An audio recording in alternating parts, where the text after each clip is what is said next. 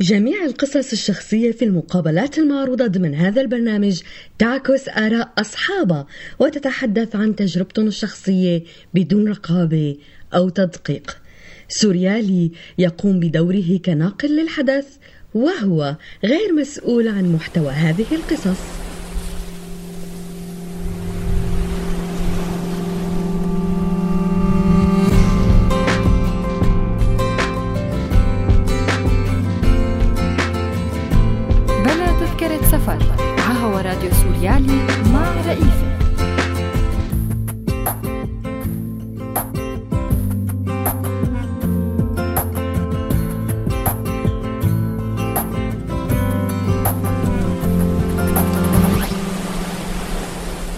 بحلقة اليوم من بلا تذكرة سفر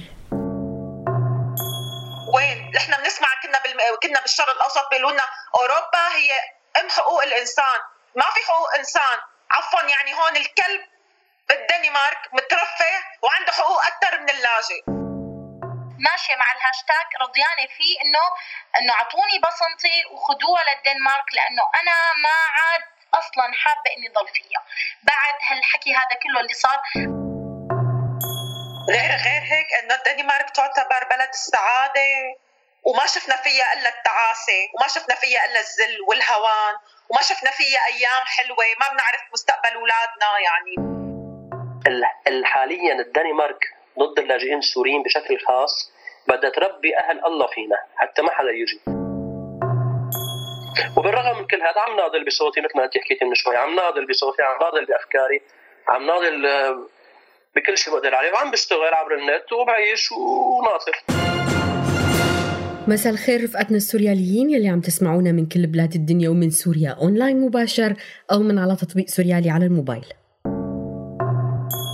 قالت ماجا زيمرمان وهي مديرة لمشروع في مجموعة اليوم هو يوم جديد.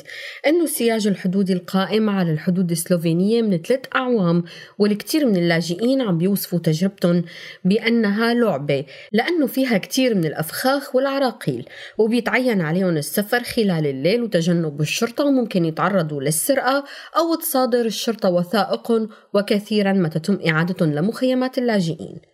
وبناء على هي التجربة تم إصدار لعبة السلك الشائك أو غيزور واير الجديدة على الإنترنت وفيها ثلاث مستويات معقدة بيتعين على اللاعب تجاوزها. الأول هو الفرار من الحرب في بلده الأم ثم مراوغة الشرطة وهي تجتاح مخيم اللاجئين اللي بيقطن فيه. وأخيرا عبور النهر مع تفادي جثث الذين لم يتمكنوا من الوصول. بهي اللعبة ما بيملك اللاعب سوى حياة واحدة فقط غير إنه الفوز مو هو الهدف من Razor Wire كما إنه تصميمها البدائي ما بيهدف إلى إرضاء محبي ألعاب الكمبيوتر العادية أو التقليدية. فاللعبة هي مشروع لمجموعة سلوفينية لحقوق الإنسان بتأمل أنه تزيد من خلال الوعي بالمحن اللي عم بيواجهها المهاجرين واليأس اللي عم بيصيبهم وأنه تساعد بحملة لإقناع الحكومة بتفكيك السياج اللي موجود على الحدود بين سلوفينيا وكرواتيا. قال المدعي العام الألماني بيتر فرانك أنه من غير المقبول إرجاع التهديد الإرهابي اللي عم بيواجه ألمانيا مباشرة إلى اللاجئين. وأوضح المدعي الألماني بيتر فرانك لصحيفة غاينشي بوست بدوسلدورف أنه رجاله بيعرفوا أنه تنظيم داعش عم بيستغل حركة اللاجئين وقام بتهريب أشخاص لغرب أوروبا غير أنه فرانك بيرفض القول بأنه التهديد الإرهابي لألمانيا ما إجا إلا مع موجة اللاجئين الأخيرة. تعتبر مملكة الدنمارك من أكثر دول العالم تقدما لأنها بتقدم خدمات اجتماعية ضخمة وبتحقق نظام عدالة ومساواة وتصنف من ناحية مستوى دخل الفرد بين أكثر وأعلى البلدان في العالم. وتصنف أيضا على أنها الدولة الثانية الأقل فسادا استنادا لمؤشرات الفساد العالمية. وحسب مؤشر السلام العالمي Global Peace Index بتحتل الدنمارك المرتبة الثانية كأكثر بلد آمن ومسالم بعد نيوزيلندا. وتم اختيار الدنمارك بعام 2006 2007 و2008 اعتمادا على معايير الرعاية الاجتماعية والصحة والتعليم العالمية بأنها أسعد بلد بالعالم. بأيلول عام 2014 عرضت الحكومة حزمة من التشديدات فيما يتعلق بطالبي اللجوء وتم اعتبار كل لاجئي سوريا في الدنمارك بمثابة مقيمين مؤقتا ريثما تتحسن الأوضاع في البلاد ووقتها برجعون.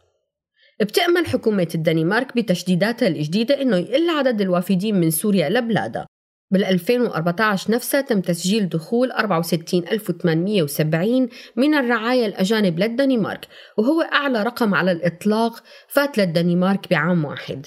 وبيزيد بنسبة 15% عن الرقم القياسي السابق المسجل بعام 2013 بحسب الأرقام الصادرة عن إحصائيات الدنمارك دنمارك ستاتستكس وكان عدد القائمين من سوريا بوقتها 5400 شخص. هذا العدد زاد أكثر من ثلاث أضعاف عن سنة 2013 حيث وصل 1760 سوري للدنمارك. اليوم بنهاية 2018 خطت الحكومة اليمينية في الدنمارك خطوة أخرى في تشديد سياسة اللجوء لأنها عم بتخطط لنقل وإسكان اللاجئين والأجانب المتورطين بجرائم بجزيرة كانت لحد الآن عم تحتضن مخابر أبحاث لأوبئة حيوانية خطيرة بحسب ما ذكرته صحيفة بلد الألمانية. وقرر الائتلاف الحاكم تأسيس مركز لإيواء اللاجئين يلي بيتم رفض طلبات لجوءهم إلى حين ترحيلهم أو مغادرتهم للمملكة. وبيتم إيواء كل الأجانب اللي بيتورطوا بارتكاب جرائم في هذا المركز المعزول بهي الجزيرة يلي اسمها ليندهولم الموجودة في بحر البلطيق واللي مساحتها بس سبع هكتارات. لنعرف شو رد السوريين اللاجئين بالدنمارك اتصلنا بسيدتين لاجئتين. لنسمع منهم تفاصيل الشي اللي عم بيصير وينقلوا لنا مشاعرهم وهل هن موافقين على هالقرارات وشو ممكن تكون ردات فعلهم. السيدتين طلبوا عدم ذكر اسمهم أو أي معلومات عنهم ونحن ببرنامج بلا تذكرة سفر بنحترم مصادرنا ورغباتهم. تعالوا نسمع لقاء سوا.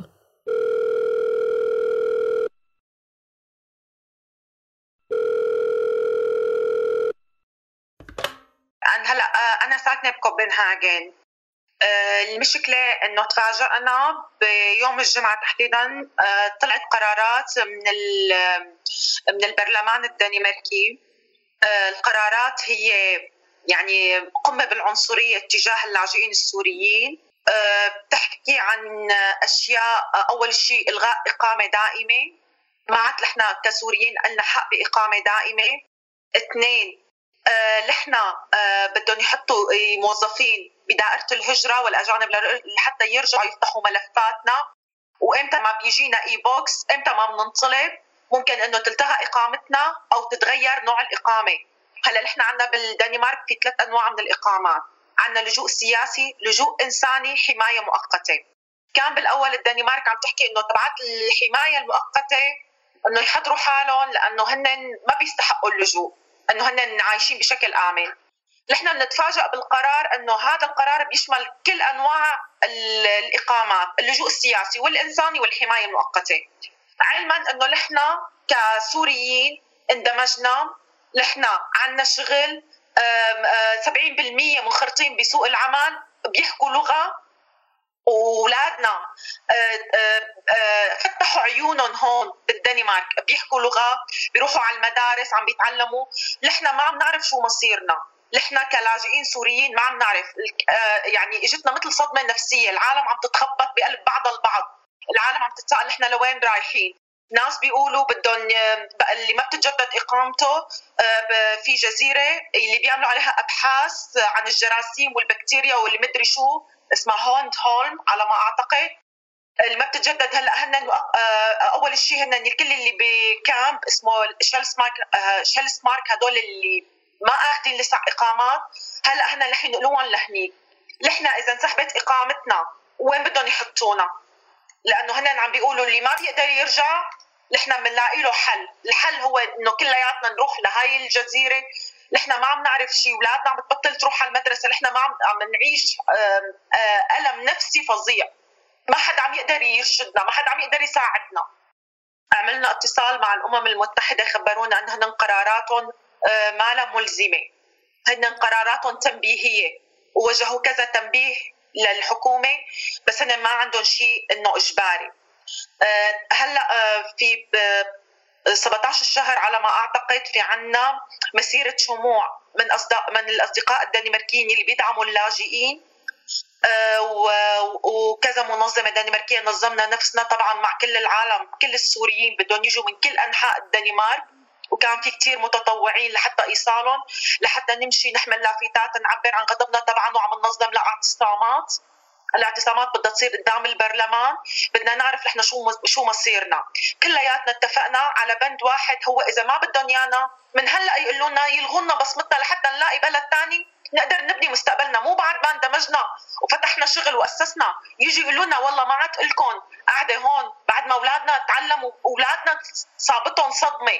هن ما حدا عم ما حدا عم بينظر لهالأطفال، الأطفال كلياتها عم تبكي، الأطفال كلياتها ما عم تعرف شو ليش ما بدها عم حتى الانسات بالمدارس عم يقولوا لهم أنتم بدكم ترجعوا لبلدكم، عم يهيئوهم نفسيا إنه أنتم ما عاد في لكم قاعدة هون، ليش عم نتعلم نحن؟ ليش عم نبعث أولادنا؟ في سبب آه، صار شيء يعني حتى أخذت الحكومة هالقرار ولا هيك لحالهم؟ لا هي لا ما أكيد ما صار شيء.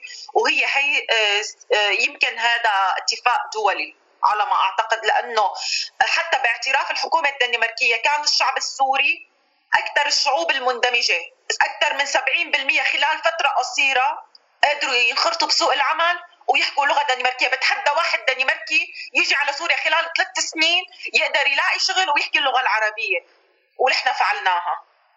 هلا آه، منال آه، أو ما بعرف يعني إذا بدنا نحكي بهذا الموضوع هن ما اجى فجاه قراراتهم ما جاية فجأة. هن محضريننا من زمان من أول ما إجينا لفئة معينة اللي هي مثلا الحماية مثل ما قالت لك. آه، الحماية هدول من الأول عرفانين وموقعين إنه نحن بس تكون أمور بلدنا هيك راجعين. بس أما الباقي اللي هن اللجوء مثلا السياسي يعني أنا ما عم بعرف هدول شلون ملاقيين له فتوى شلون ملاقيين له آه، دخلوجة بالقانون ما بعرف. هلا أكثر شيء مخلي الشعب الدنماركي إنه يتعاطف معنا هو موضوع تنزيل آه، معاش العائلات أو الان اللي اللي هي الأم الوحيدة مع أطفال. لأنه هن بيعرفوا تماما إنه أصلا الحكومة الدنماركية على مدى هالخمس سنوات نزلت أكثر من 50% من المبلغ اللي كنا ناخده أول أو أول دفعة إجت يعني. أنا مثلا الناس أول ما أو أخذت معاش واحد اللي هو مثلا 10000 كرونة. الشهر اللي بعده كان نازل لل 5000 كرون. طبعا في كثير ناس كانت اوريدي مستأجرة بيوت على حسب المعاش. يعني ضروا كثير ناس حتى إنه في ناس آه، صارت تقريبا يعني ما حدا بيصدق بكل دول أوروبا إنه نحن هون عم نتدين. يعني كله بيقول لك إنه ماشي الحال إنه يعني نحن ما جايين نترفه بس إنه عايشين العالم كله اللي عم يشتغل أو اللي عم يدرس أو اللي على المساعدات كله عايش. نحن عنا اللي على المساعدات يعني العفو منك تقريبا بمستوى الشحادين يعني دوبهم عم يقدروا يطلعوا ال basic needs اللي هن ليوم ليومياتهم العادية. طبعا لا سفر بيقدروا يسافروا آه، حتى يعني قصدي ما قصدي سفر برا قصدي مثلا بين مدينة ومدينة هذا كله مكلف. يعني معيشيننا بحصار نفسي من زمان وكل شيء نحن عم نساويه عم نساويه كنا للاندماج لأنه من يوم اللي وصلنا وقعنا على قرار على عقد contract بيناتنا هو اسمه عقد اندماج. يعني كل شيء كان عم يشتغلوه عم يشتغلوه على أساس إنهم يدمجونا بالمجتمع. فجأة out of sudden بيجوا بيقولوا لنا نحن ما بدنا ندمجكم. فكل مخططاتنا وكل الشغل يعني تصوري حالك عم تشتغلي أربع سنين باتجاه واحد. يجي فجأة يقولوا لك هذا الاتجاه كله وهذا الوقت كله اللي عملتيه هذا كله تضييع وقت. نحن والله قلبنا رأينا ونحن ما عاد بدنا إياكم ولا بدنا ندمجكم وكل شيء كنا عم نساوي للإندماج مصاري حطيناها الاندماج نحن يعني بمعنى إنه آسفين إنه حطيناها مو لأنه ما اشتغل الإندماج لأنه هن قرروا إنه هالمصاري بدهم يستثمروها برجعتنا مو بإندماجنا ولا بقعدتنا هون. فقرارات صراحة مجحفة وأهم شيء كمان هذا قا... قا... مثلا بالنسبة لي مثلا قانون إنه انت بالاخير قد ما اشتغلتي قد ما درستي قد ما هي انت بالاخير ما إلك شو مالك حق تضلي أو تقدمي على إقامة دائمة؟ يعني أنا بطلع هيك بقول معناها يعني أوكي اللي هي هون بيقولوا لها هي شو اسمها؟ المساواة والهي. بس كمان في ناس قعدت ما عملت شيء في ناس هلكت بهالأربع سنين قاعدين على دراسه على شغل. آه، في ناس أسست شغلها الخاص. بيجوا بيقولوا لك هذا كله بالأخير آه، مثل على الأرض. على الأرض. بالضبط على الأرض. ما حدا ما حدا عم يقدر يساعدنا ما حدا عم يشعر فينا. نحن تحطمنا نفسيا وتحطمنا أولادنا آه، صاروا معقدين نفسيا. بعد آه، طبعا طلعوا من بلدهم انسلخوا سلخ هلأ وين حاولوا يبنوا أحلام صغيرة يبنوا شيء لمستقبلهم. وهلأ عم يرجعوا يسلخونا مرة ثانية سلخ من من البيت من الذكريات اللي عم يحاولوا أولادنا يجمعوها بالميموري تبعيتهم. إنه شو الفائدة من هذا الشيء؟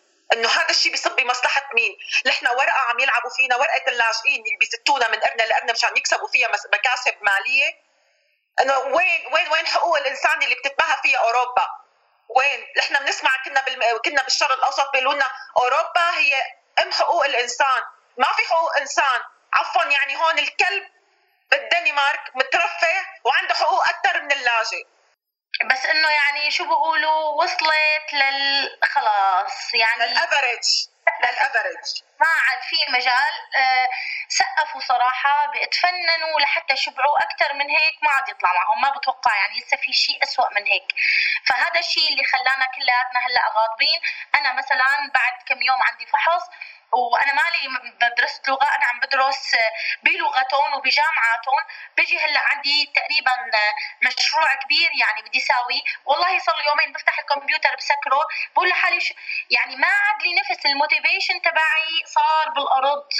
بالارض خلاص ما عاد. يعني اولادنا أنا صراحة لما بقول لك لما عم بتقول اولادنا صدقي لأنه فعلا مأثر كثير بنفسية الاولاد كثير كثير مو شوي وغلط حتى منا نحن الأهل إنه نناقش هذا الموضوع قدام الاولاد لأنه مثل ما نحن إذا نحن الكبار ما عاد عنا هالتحمس لا نروح للمدرسة ولا فما بالك الصغار يلي فكروا إنه بقى حياتهم هون ولا الصغار اللي أصلا ما بيعرفوا إنه مثلا يعني بلد غير الدنمارك. يعني في أولاد صار بلشت تحكي صار عمرها خمس وست سنين وما بتعرف شيء إلا الدنمارك. تيجي عم تقولي لها آه، عم تحكي قدامها بجوز نرجع ولا وين بدنا نرجع؟ وين رايحين؟ وليش بدي أترك مدرستي؟ وليش يعني ما بعرف أبعد ما يكون عن الإنسانية. لأنه لا في سبب مثل ما قلتي انت قلتي سألتينا بسؤالك قلتي شو صار لحتى طلع هالقرارات لأنه المنطق اللوجيك هيك بيقول إنه يكون صار شيء يكون عم نعمل مشاكل نقول ابدا نحن هون الجاليه السوريه بالدنمارك. والله مثال يعني مثال يحتذى به. يعني آه، ما شاء الله حولا ما شفنا حدا هون عامل شيء. يعني ال maximum حتى هذاك اليوم عم بسمع الفيديو عم يقول جنح يعني ممكن تكون مثلا آه، قيادة سيارة هذا ال maximum اللي ممكن يخالف فيه السوري هون. أكثر من هيك يعني ما لي ما لي شايفة. لا عنا الحمد لله لا مشاكل لا قصص لا حدا عمل مافيات لا حدا بتلاقي يعني في قصص كتير كبيرة لحتى تجملونا تحطونا والله شو قالت روحوا على جزيرة مع المجرمين. ليش يا عمي؟ شو ساوينا شو ساوينا يعني؟ والله العظيم قال يا تترحل يا لا ما تترحل لا نترحل نحن ضحايا نحن ضحايا حرب. نحن لاجئين السوريين هي ضحية الحرب يلي صارت ببلدنا. ليش هن عم بينتقموا منا؟ ليش هن بدهم بدهم يقهرونا؟ ليش عم يتاجروا فينا وباولادنا وبقضيتنا؟ إنه مو حاجة مو كفى بقى؟ مو ح... يعني هلأ خلص خلص يعني هلأ ما عاد شيء نخسره. طالعين هلأ طلعة وحدة. طبعا في مسيرات وفي اعتصامات وبده يصير كثير أشياء. طبعا هذا هدول الأشياء كلها سلمية. بتعبر عن مدى حضارتنا وثقافتنا. في شغلة بتضحك اليوم صارت معي اجى واحد قال شو بيقول لي؟ بيقول لي أنتم ما لازم تشغلوا بالكم. على فكرة لأنه القرارات ضبابيه لحد الآن. ومذكور كلمة مذكور كلمة إنه القادمين الجدد. وهي ما حدا عم يقدر يفسرها. ناس بتقول لك القادمين الجدد. نحن من أول ما جينا عم يقولوا عنا القادمين الجدد السوريين. في ناس عم يقولوا لك لا القادمين الجدد قصدهم من بعد تاريخ مثلا صدور القرار. فأنا صراحة ضحكت. قلت له يعني نحن مثلا المفروض أنا هلأ أحس بأمان يعني وأحس إنه معلش القادمين الجدد اللي هلأ مثلا جايين يعني معلش يتعاملوا هيك. قلت له إذا أنا رح أرضى هالموضوع يطبق علي أنا عاد ارضاه لغيري لأنه هدول عالم ما عندهم حد ولا بيعرفوا إنه في red line وإنه حاجة وصل وصلنا للخلص للآخر. يعني بعدين عم آه. كثير عم عم يطحشوا كثير عم يطحشوا عم يتجاوزوا كل الخطوط الحمراء. بعدين تعقيبا على كلامك لو إنه القادمين الجدد بتقوم هالمنظمات الإنسانية ومنظمات هيئة إغاثة اللاجئين وبيطلع مديرها بيصرح وهلأ جميع الدنماركيين المتشعبين والفهمانين القانون بينظموا لنا هالمظاهرات والشعارات لو إنه بس للقادمين الجدد. أنا ما بظن هذا الشيء. أنا بظن هذا القرار بيشملنا لنا لأنه في كثير ناس راحت بدها تجدد إقامتها ولهلأ ما إجاها الجواب. من ست أشهر لهلأ وهن بيقولوا لها بيجيكي e-Boks ولهلأ ما حدا ما حدا إجاهم شيء على كل حال ما في شيء واضح تقريبا ما في شيء مبين. هي المفروض هن بدهم يوفروا مصاري بمكان مشان يدعموا العجزة وكبار العمر لأنه هن من أول ما انتخبوا وهن كان الأيم تبعهم عم بيقولوا للشعب إنه نحن رح آه، هدول البانشونيستا شو بيقولوا لهم الاختيارية المتقاعدين نحن حندعمهم لأنه نزل كثير الدعم تبعهم آه، بسبب يمكن جيتنا هيك هن عم يحسبوها لأنه هن بيقيموا من قرنة بالموازنة بحطوا بقرنة. فموازنة هي السنة كانت كثير مجحفة ومعها كثير قوانين كثير قوانين إن كان آه، يعني بموضوع الفاينانس إن كان موضوع المادة ولا إن كان بموضوع الأخلاق صراحة مجحفة بكل شيء.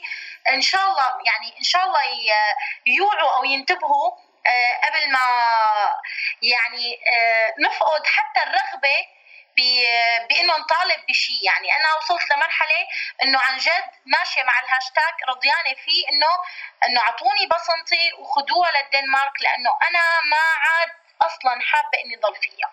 بعد هالحكي هذا كله اللي صار أنا حاسة صراحة بالإهانة وبحياتي ما حسيت هالإحساس إلا هون بالبلد اللي المفروض إني أنا أكون فيه آه، المفروضها إنه حقوقي تكون فيه آه، محفوظة. غير غير هيك إنه الدنمارك تعتبر بلد السعادة. وما شفنا فيها إلا التعاسة وما شفنا فيها إلا الذل والهوان وما شفنا فيها أيام حلوة. ما بنعرف مستقبل أولادنا يعني. ما يعني كله كله شيء أشياء ما واضحة. بعدين ناس إنه عم بهالتفكير الخبيث وبهالعنصرية. كيف نحن بدنا نربي أولادنا بهيك بلد؟ كيف بدنا نطعبيهم من خيرات بلد مليئة بالحقد والعنصرية تجاه اللاجئين؟ ما فيهم جنس الإنسانية. أنا والله ما بيشرفني خلي أولادي يعيشوا بهيك بلد. فهي من الاخير واللي قدرت أعمله هون بقدر بكرامتي أقدر أعمله بغير بلد. ليش اخترتوا كندا؟ آه، توجه المسيرة باتجاه سفارة كندا؟ لأنه بنعرف آه، أنه رئيس الوزراء الكندي آه، بيعامل اللاجئين معاملة كلها إنسانية بقمة الرحمة والإنسانية. فنحن بدنا نهين الدنمارك ونروح على على على كندا السفاره الكندية ونطلب منهم إنه هن يساعدونا. يساعدونا وينقذونا من بلد بتعتبر بلد الرفاهية والمساواة. وحقوق الإنسان لبلد عم تذل اللاجئين وتهينهم وتذل اولادنا وعم تغمس لقمتنا اللي عم ناكلها بالذل والعار. مع إنه نحن ما ما عاملين شيء نحن ضحايا. بصراحة هو إن كان كندا ولا كان حيلا بلد تاني آه، الفكرة إنه نلفت نظر العالم إنه الوضع صار غير مقبول بالدنمارك. يعني إنه نحن آه، كمان آه، ما في سبب لأنه ننهام بهالأسلوب والمفروض إنه يكون في ستاندرز معينة لكل بلد لحتى تقدر تستقبل لاجئين. فإذا أنتم مالكم قد هالحمل عادي بس إنه يا بتعطونا بصمتنا يا إنه اطلعوا من هالاتفاقية كلها أنتم مو قدام. يعني نحن بدنا نوصل هي الفكرة لأنه ما بعرف إذا هل هن عندهم يا ترى علم وساكتين؟ هلأ آه يمكن إذا ما ضجينا هالضجة رح يفكروا إنه ممكن لسه الريت تبع المساعدات ولا ولا حيفكروا إنه نحن رضيانين بالأسلوب اللي عم نتعامل فيه هون. ما بعرف شو رح يفكروا إذا نحن سكتنا بس أكيد هو مو آه مو من صفاتنا ابدا إنه نسكت على هيك إهانات.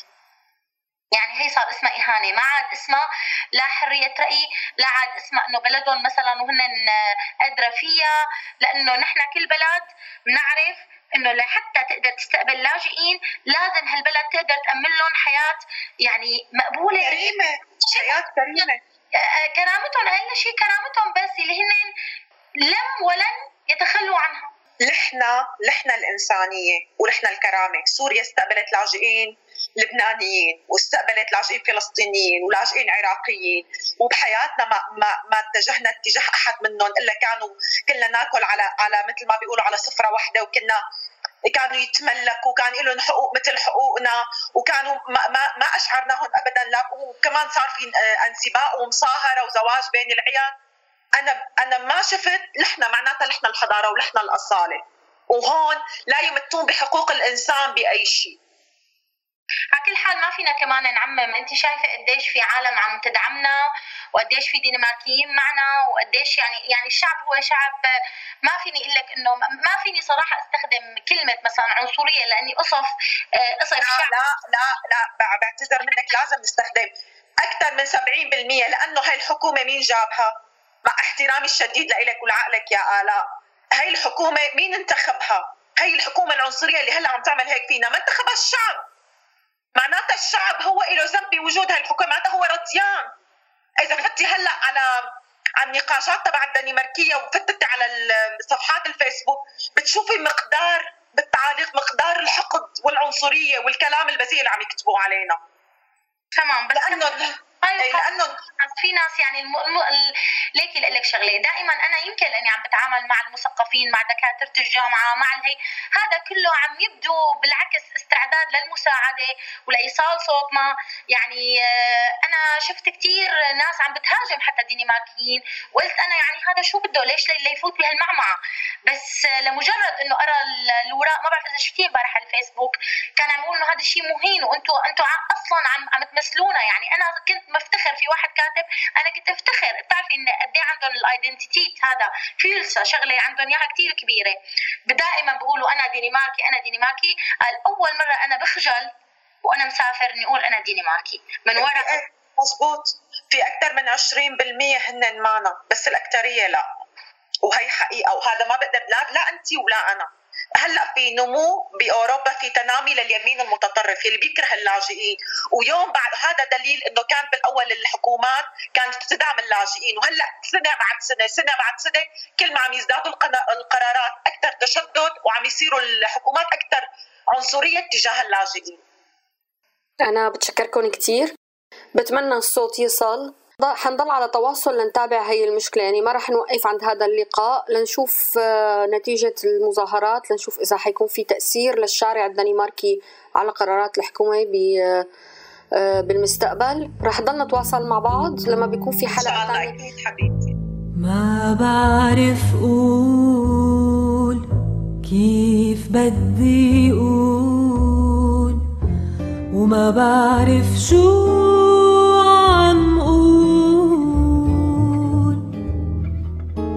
كون بدي أقول حبيبي تطلع جملة عجيبة جملة وكلامي طول. إنت تمل وراسي يدور تقوم تفل وبحالي حور دموعي تكر. تعبي بحور وانت بعيد.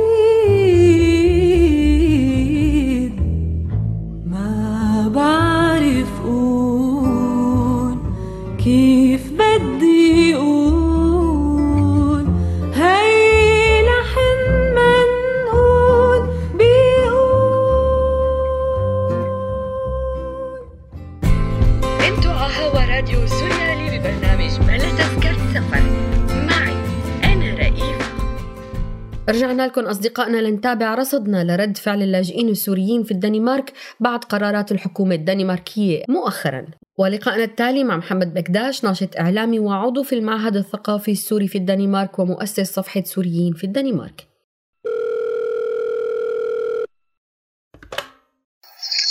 محمد قد صار لك بالدنمارك؟ صار لي أربع سنين آه شو عم تشتغل هلأ؟ حاليا أنا بدرس لغة وبشتغل بمجال البيع والشراء عبر الإنترنت أونلاين. خبرنا شو المشكلة اللي صارت بالدنمارك؟ الموضوع باختصار الحكومة الدنماركية الحالية يلي حزب الشعب الدنماركي اليميني المتطرف آه، هو اللي بيقود هاي الحكومة عنده مشكلة مع اللاجئين. ما بده لاجئين بالبلد هو عمل بيانه الانتخابي بسنة 2015 لما انتخبته الناس ب 15 6 2015 بنى آه، بيانه الانتخابي عبر الموضوع إنه أنا رح أقفل باب اللجوء في الدنمارك. بالإضافة رح اقوم بترحيل كل اللاجئين اللي أجوا على الدنمارك من بعد 2013 اللي بين قوسين السوريين هن المشمولين بهذا الكلام. شو سبب تغيير بهالقوانين؟ يعني هو ليش حطوا هالبرنامج الانتخابي بالأصل؟ يبدو وباء عنصري منتشر بكل أنحاء العالم حاليا مثل ما إنك شايفة. لكن في الدنمارك تجاه اللاجئين أنا عم بقصد لكن في الدنمارك الموضوع مضاعف. بصراحة الموضوع ما هو مفهوم إلا بشكل كامل. ليش؟ لأنه هاي القرارات تشمل السوريين بنسبة 98% السوريين يلي هن عددهم في الدنمارك حوالي 40 ألف. هدول السوريين يلي حسب مواقع الإحصاء الدنماركية بتقول إنه 70% من هدول السوريين هن مندمجين بالمجتمع. 35% منهم عم يشتغلوا ويدفعوا الضرائب و35% عم يدرسوا بالجامعات أو المعاهد التقنية أو الجامعات الخاصة أو الجامعات الدولية اللي موجودة بالدنمارك وال 35 الباقيين إما مرضى وإما غير قادرين على العمل أو غير قادرين على الاندماج بالوقت الحالي.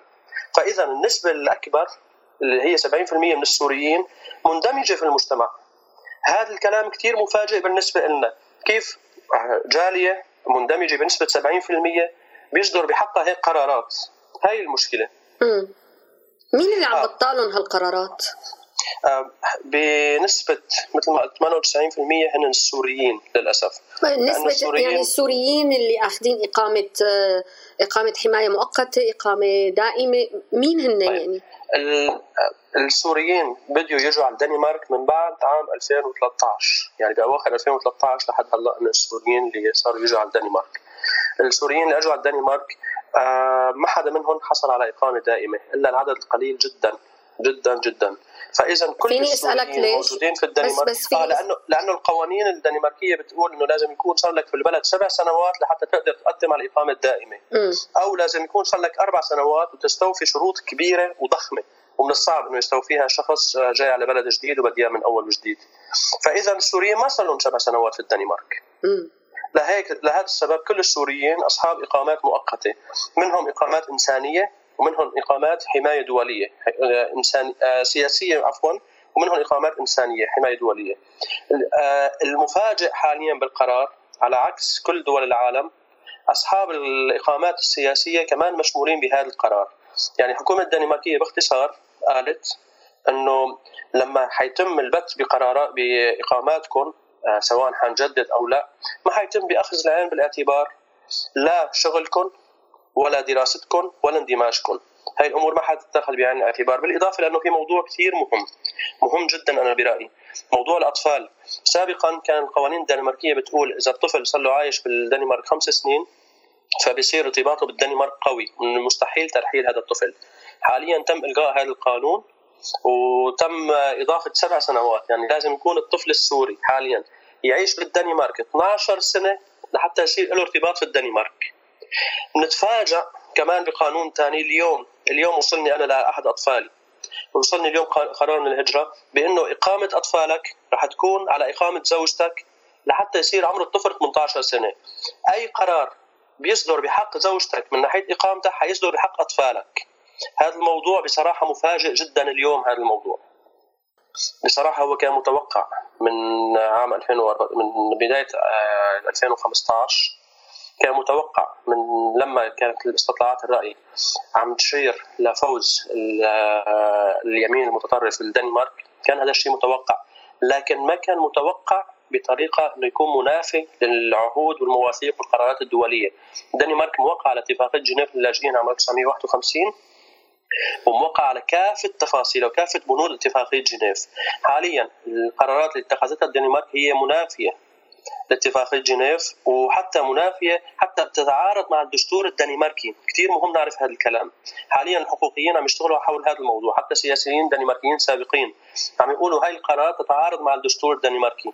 لكن هذا الموضوع أو هاي القرارات عم تتاخذ بشكل سياسي وليس قانوني. قانونيا مرفوضة وممنوعة هذا الكلام. لكن عم تتاخذ بشكل سياسي ومثل ما بتعرفي بأي بلد السياسة أقوى من القانون لما الحكومة تطلب تنفذ شيء.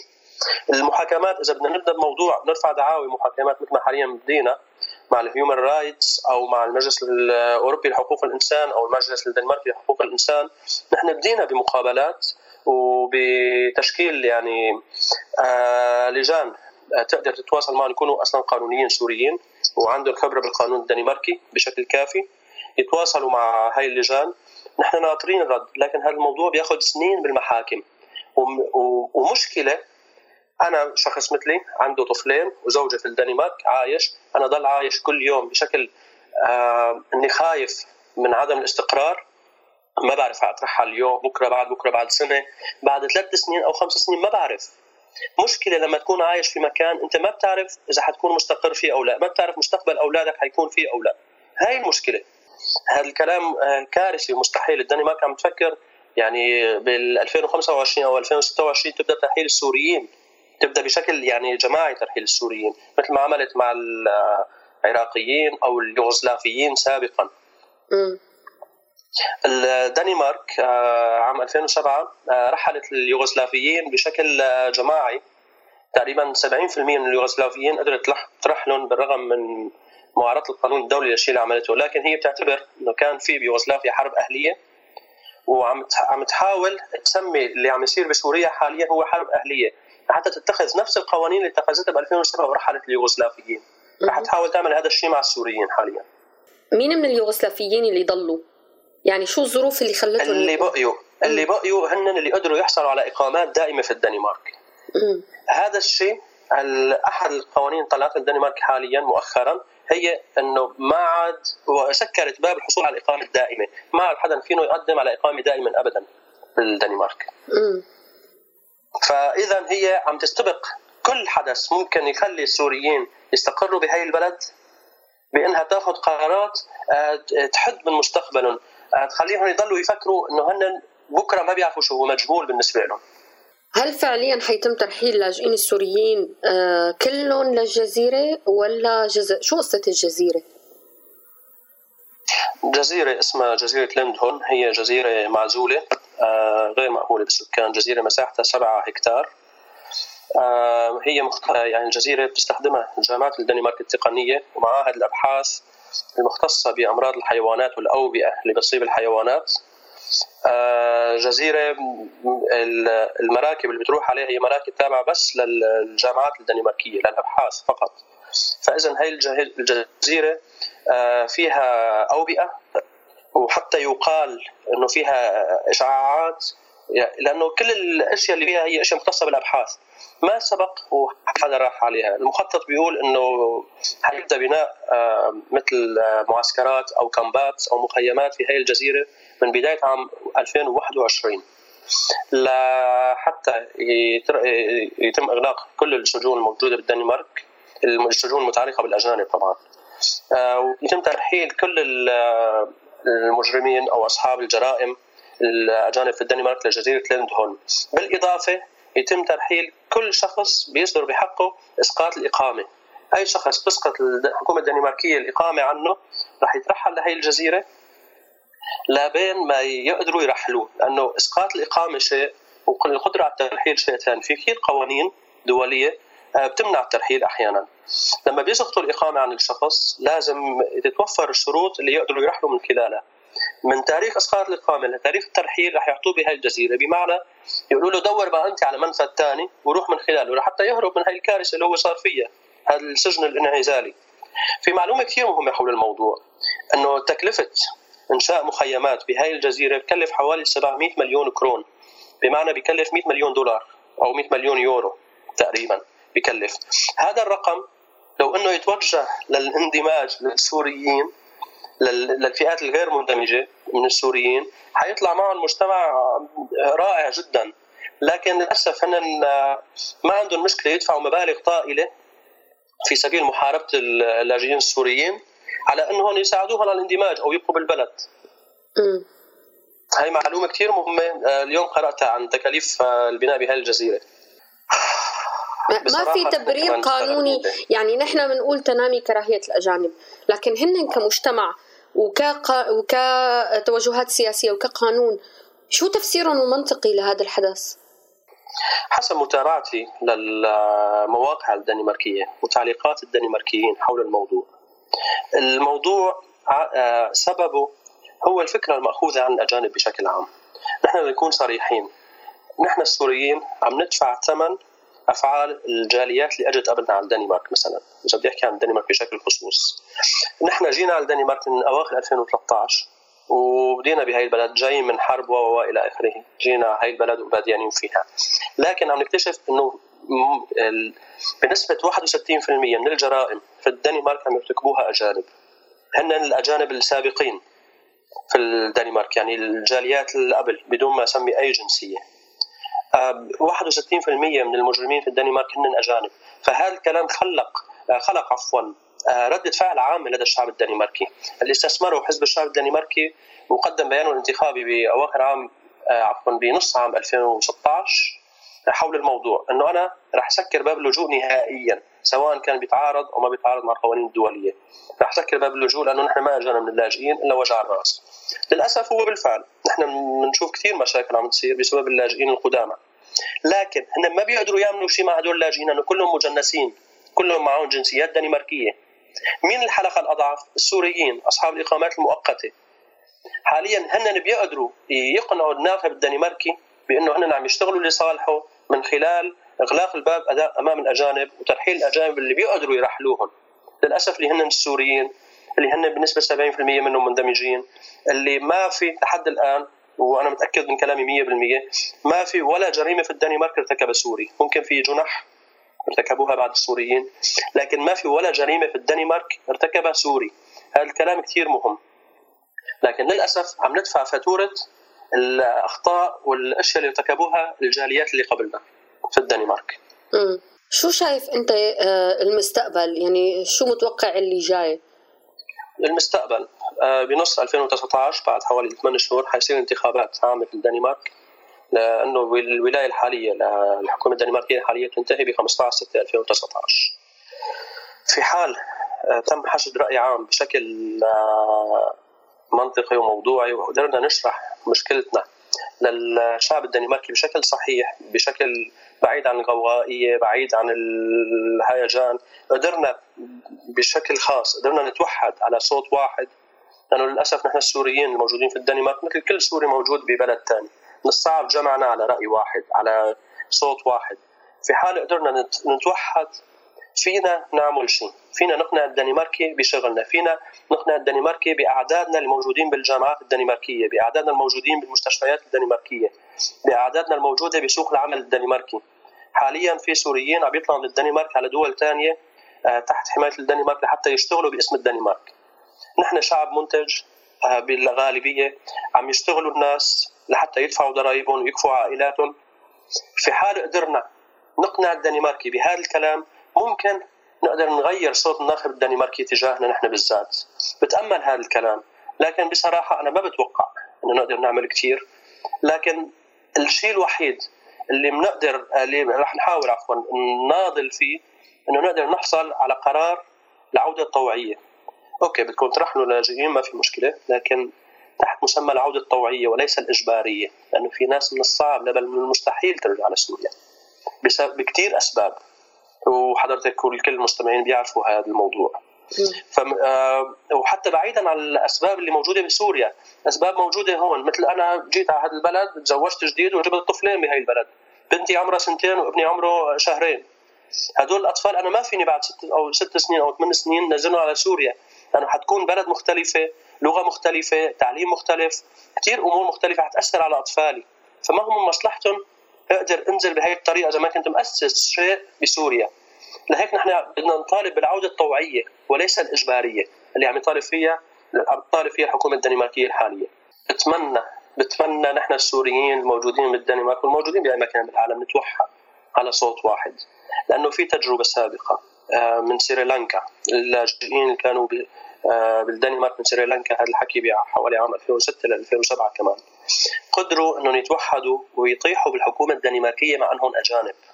لما قدروا يوصلوا صوتهم للمجتمع الدنماركي بشكل صحيح بتمنى نتوحد ونقدر نوصل صوتنا بشكل صحيح لأنه سمعتنا طيبة. أنا كثير متأكد من هاي الكلمة وكثير واثق منها إنه سمعتنا نحن السوريين في الدنمارك طيبة وسمعتنا جميلة. وما في أي جالية أجنبية بالدنمارك تسبق الجالية السورية من حيث الشغل والدراسة ودفع الضرائب والاكتفاء الذاتي. في جاليات عمرها 30 سنة و35 سنه في الدنمارك أو حتى من عام 1985 آه، بالدنمارك. نحن الجالية اللي بتسبقهم مع إنهم قدماء جدا بالدنمارك. بتمنى نتوحد على صوت واحد. نقدر نواجه هاي القرارات بشكل جماعي لأن الحلول الفردية ما بتفيد. وبتمنى هاي الشيء يكون حصرا أمام القضاء لأنه القرارات هي كلها قوانين عم يتم إصدارها لازم تتحارب بالقوانين. وليس بالهوجاء أو بالتصرفات العشوائية. أنا بدي أتشكرك كتير بتمنى هالأمر آه، آه، يتم حله بأسرع وقت ممكن وتتوحد كلمتكم وتقدروا تكونوا مؤثرين بالقرارات السياسية والمجتمعية بالرأي المجتمعي لوجودكم كسوريين لاجئين بالدنمارك. آه رح أضل على تواصل معك لنعرف شو تطورات الموضوع. أكيد رح يكون لنا لقاء قريب لنشوف نتيجة هالمسيرات وهالعرائض اللي عم تشتغلوا عليها. بركي آه بيكون فيها نتيجة إيجابية. نتأمل هذا الشيء. شكرا لك وشكرا للمتابعين ونتأمل نحصل على شيء إيجابي على الأقل. بحق أطفالنا على الأقل مش بحقنا عنا أنتوا على هوا راديو سوريالي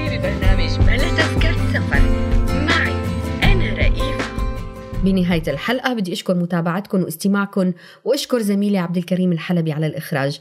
ضلوا معنا دائما على السمع تابعونا وفوتوا على موقعنا لتسمعوا أرشيفنا وتعرفوا عنا كل جديد. وتابعونا كمان على وسائل التواصل الاجتماعي فيسبوك وتويتر وإنستغرام لتعرفوا عنا كمان كل جديد. كنت معكم من وراء المايك رئيفة المصري. ضلوا بأمان وبألف خير.